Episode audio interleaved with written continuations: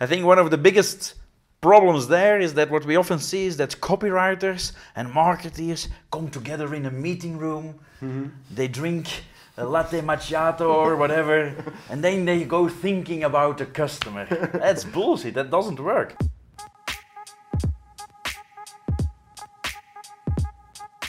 Moin, ich bin's Philipp von Effektiv und neben mir auf der Couch hat mein Interviewpartner Karl Gilis Platz genommen. Karl, nice to meet you. Nice meeting you. I have a couple of questions uh, for you, Alright. and I have to say it's nice to talk with a real user experience expert.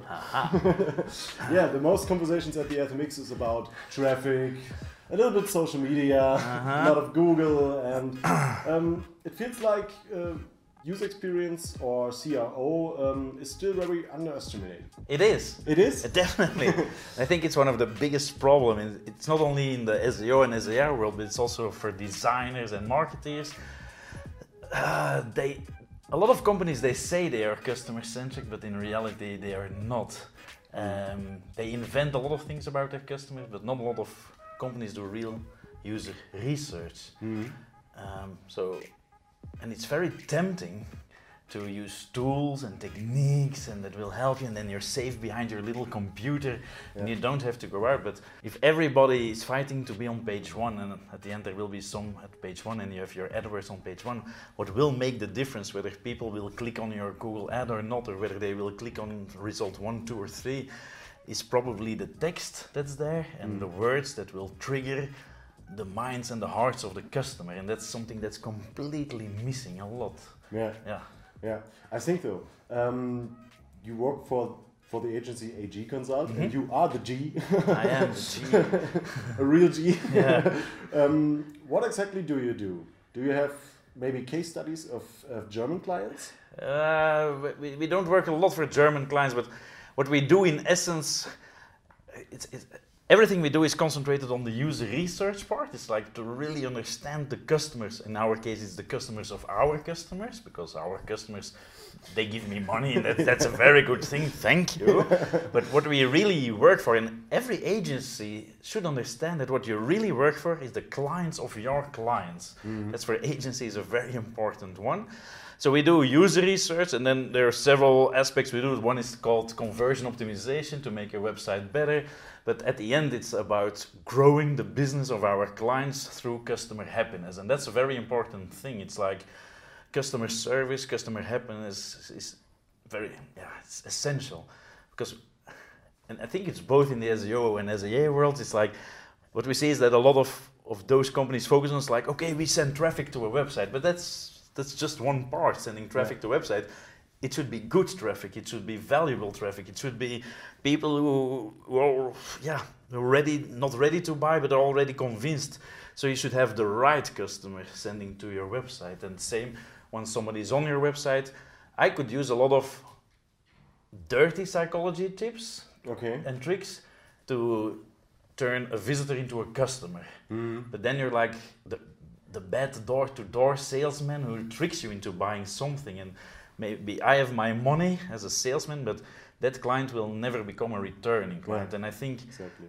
what is very, very important nowadays is that you have try to build loyal customers, which is kind of difficult because on the internet we have so many choices, but yeah, loyal, happy customers. That's my business. Okay. Okay. And do you have uh, maybe um, best practices from from German uh, businesses, German Mm-hmm. Yeah. we- websites? Well, once again, we don't work a lot for German websites, but it's it's always the same. It's like really understand your customers when we we work we worked in, in Germany for a com- yeah yeah you have TUI for example like uh, the big uh, uh, travel group and it's so funny on their homepage and, and a lot of travel websites have it they have a big search feature like where do you want to go and when do you want to go there Yeah. and that seems very logical because that's the business now, what we did for TUI was we did some research and we showed a little survey to visitors of the website mm-hmm. after they visited at least three different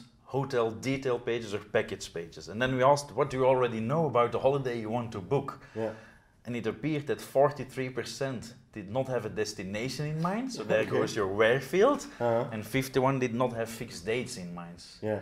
And, and we did that research in the month of October, and I guess it will be the same here approximately. In October, there are two top tasks for travel agencies. It's like, I want to go skiing during Christmas holidays, and the second one is, during Christmas holidays, I want to go somewhere where it's still hot. Mm-hmm. And that search box with the where and when doesn't give an answer to that. And Yeah. that's what we often see is that companies take everything for granted, the way Mhm. they do business. But no, you have always tried to re-investigate how your customers think. Every year there there are some uh, some design trends. No. Uh, um, but which of them do you think makes sense? Most of the design trends doesn't make sense. They Okay. do not make sense. it's like there's an yeah, it's the same with uh, every time. Ooh, we're going to use a new technology. Every year there are new design trends, and most of them are very superficial. They're the outer layer of design, and that's not what matters. A few years ago, there was a discussion about square corners or rounded corners, and then we had ghost buttons and, and this and that. But at the end, it doesn't matter. And design, desi I'm not saying that design is not important. Design is incredibly important, but it's like the core design. It's like the building blocks of a page. That is so crucial. And yes, sometimes there's a little technique that makes it better, but never ever forget that a website is not a piece of art. It's not something that you look at. Yeah. It's something that people use. So Mhm. in the first place, it should be usable. It should be useful. It, it should be result in a happy customer experience. But what a lot of designers and marketers seems not to understand very well is that words are the most important thing because at the end, it's yeah, it's the copy, it's the text that will convince somebody to become a client. And if you're a designer and you don't care about words, you're not a designer but a decorator. Mm. Ah, okay, okay, understand, understand. Um, in in planned redesigns, we Mhm. recommend uh, our customers to do this step by step, Uh-huh. and um, yeah, not to let the the user start directly at point zero. Okay. Um, yeah, companies like Amazon, Google, etc. have uh, been doing this for years. What do you think about this kind of uh, of art? Um, What step by step redesign Yeah, or yeah. redesign from No. Well, it all depends. It, it- from nature, I'm against the redesign cycle, and Mhm. especially. uh, it's still here in Germany because I had a workshop on Monday and I asked it, and people were like, "Oh no, we're doing the." And so there is a classical redesign cycle where companies have every three, four, five years they make a completely new website. yeah. That's bullshit Mm. because the new websites will probably not sell better than the old one because what we see is like mostly it's literally a design it's like a new design it, again it's the outer layer while for most websites the biggest problem is the content once again it's the structure and the copy so in, in those cases the redesign cycle is like forget it don't do it in the ideal world, world you have to do what indeed Amazon, Google, eBay, Booking, Airbnb are doing. They they are constantly making their website better. And sometimes it's possible that you have to create a new backend, but it's a most of the time it's not a good idea to install a new backend and at the same time a new design because then you have a big big project. Mm. But work on your website all the time. Now, in some cases, your website might be very bad, Mm. and then maybe you have to do one more Ah, redesign. okay, yeah. But then it's not about the design, it's about the content. What should be on the website, what should not be on the website, uh, what are the, the dreams and the needs of our visitors, what do they expect? Because that's a very important thing. It's the basic of everything, I think, in modern economics. You should give your customers what they want, Mm. and then they will give you what you want. Yeah. In dirty words, it's like money, but it's about their customership and customer loyalty and customer happiness. You say the, the, the design is not the real game changer for the customers. The outer layer of the design. Yeah. The outer layer, yeah. yeah. It's always difficult. Design and design. Yeah, yeah. you're right. Yeah, um, but uh, what would uh, the perfect website look like for you? That's difficult. Very That's good question. No, that's a good question, and the answer is it doesn't exist Mhm. because otherwise somebody would already have invented it, and you could buy it in a in a store Yeah. and say, okay, this is the perfect Show me the website. store. The difficulty is that for every brand, there is probably a kind of perfect website for them. but your audience is different. Mm. Both Suzuki and BMW are clients of us, but it's a different brand. Yeah. So there is a perfect design for the BMW website, but that brand is a little bit more about dreaming and image. Suzuki is like a more down to earth brand, so it's a different design for them. Mm. I have uh, some good friends at Booking.com, which is a very good website, but it's not the most beautiful website in the world. So, and what they see, so the head of uh, CRO there is, is called Lucas, and Lucas told me that sometimes they see on websites design and said, "Oh, I've made a design for Booking.com, and this is so much better." And the funny thing is that at Booking.com they have so much traffic that sometimes they test those designs that designers make, Mm. and they're never winners. Yeah. But Booking.com, they, they fine tune their design all the time. But for Booking.com, as a brand, as they are now, the design of Booking.com is for them the best design. Mm. But if you have another brand, don't copy Booking.com because you're a different brand, you have a different product, you have a different audience. If you're Zalando, you're not Gucci. Yeah. Gucci cannot have the same design as Zalando because Gucci is more about dreaming, an image. That's a different kind of brand. So Yeah. it doesn't exist, the ideal design. Okay, there are uh, different expectations for different expectations, different products, different audience. Yeah. Okay, thank you. Um, we, we spoke a lot about of, uh, a lot of, uh, about content and Very how do how do I find the right words that the customer wants to read on my Yes. website? so, I think one of the biggest problems there is that what we often see is that copywriters and marketers come together in a meeting room. They drink a latte macchiato or whatever, and then they go thinking about the customer. That's bullshit. That doesn't work. So what we often do is like, and one of the methods I share today during my talk is like customer surveys. But really, sometimes it's just one question, mm. and then we ask people like, why are you buying this product? Why are you looking for a solution? Mm. Why are you buying this kind of cookies, for example? And because we let them answer, it's an open question. People answer it in their own words. So that's a perfect way to understand and to learn the vocabulary and the terminology of your clients. And then you just have to use the input from your customers into your copy. Yeah. And then you have it. Then you have the perfect match. And then the advantage of that is that when people do a search or when they arrive on your website, they will recognize their own words because that's how they think. Yeah. And that it's a good question because we often see there's a big gap between yeah, the words and the terminology of a company. Lots of companies they, they want to brag about things. Mm. They want to show off. Yeah. And they use very technical specifications and the consumer has a different vocabulary. One other example of booking.com, we use it too in our things, it's like if you go if you look at a lot of company or product pages, it's always like we do this, we do that. Mm. If you see at booking.com, for example, I think it's in the second step of checkout, they use the word you 27 times on one page. Mm. It's like your room, your details, your credit card. It's you, you, you.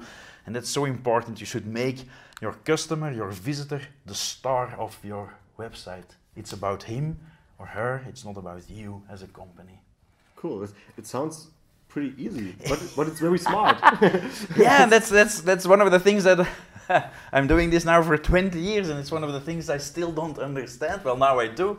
It sounds so very logical, common sense, but most companies don't do it. They don't get it. They're in their little marketing bubble. But if you look at all successful companies nowadays, yeah, the Booking, the Airbnbs, the Zalandos, the Amazons, they, they all have the same thing. They're really, really customer centric, and they they use words of their customers and they take away frustrations that customers have with, yeah, doing business with them. yeah, cool. Um, which tools do you would recommend, why? The tools question. yeah. So my main answer: a fool with a tool is still a fool. so tools are important. I think what everybody should. I think I just just before this conference, I, read a study that in Belgium, the average marketeer has 73 different tools. 73? Yes, they buy it and they probably don't use it, and that's people think that the tool will be the solution. No, and it's a stupid answer to your question, but the most important tool is your brain. You have to use your brain to connect the dots. When you talk about tools, of course, it's Google Analytics or whatever analytics tool. I use a lot of Hotjar or SessionCam. They're tools that give you really visual feedback on what people are doing on your website. Um, and then the third kind of tools is everything that has to do with surveys, for example. But there, I'm not going to recommend one tool, but like, yeah, survey tools. And then we do a lot of user testing. That's our little basic arsenal of, of tools. Okay, cool. Thank you. Um, that's the last question now. yeah. Good. Um, yeah, at the end, uh, something to take away for our audience. Um, I need five conversion tips that work on any website. ah, on any website. Yeah. So listen to your customers. On the homepage, it means no sliders because sliders suck, no video backgrounds, no cries for attention. Second tip on a category page, help people choose. On a lot of websites, it's like these are our products. No, mm-hmm.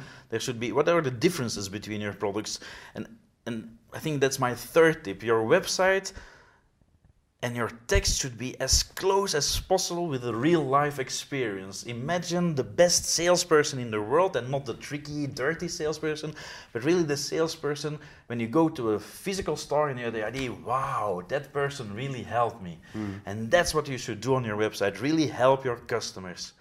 Fourth, your call to action, play around with the words on the call to action. A lot of call to actions are like, and on an e-commerce website, it sounds logical. There's like buy now, but it's always dirty. It's like buy now, click now, and it's like bam, bam, bam. Oh, be cool. If you, if you look at Booking.com, it's like see all available rooms. Hmm. I'll reserve. Complete your booking. They're taking small steps. It's not very aggressive Yeah. gentle, gentle steps. So that's my fourth tip. And what will be number five? Always listen to your customers and always improve your website. Your job is never done. Cool. Thank you. Thank You're you, welcome. Karl. My pleasure. Um, uh, at the end, I have a little present for you. Yeah. It's a, a oh, little it's not a big box of It's cookies. not a big box Damn. of cookies, but it's, it's a little piece of spring for you. Ew, Yeah, I you have to put, it in water my garden. in it, and you uh, will become a little flower. Oh, I will think of you every day. Yeah, I hope so. I hope so. Thank you very much. That's much. my pleasure. Thank you. Thank you Ja. very much. Und damit sage ich Tschüss, Leute, macht's gut, bis zum nächsten Mal. Ciao. Cheers.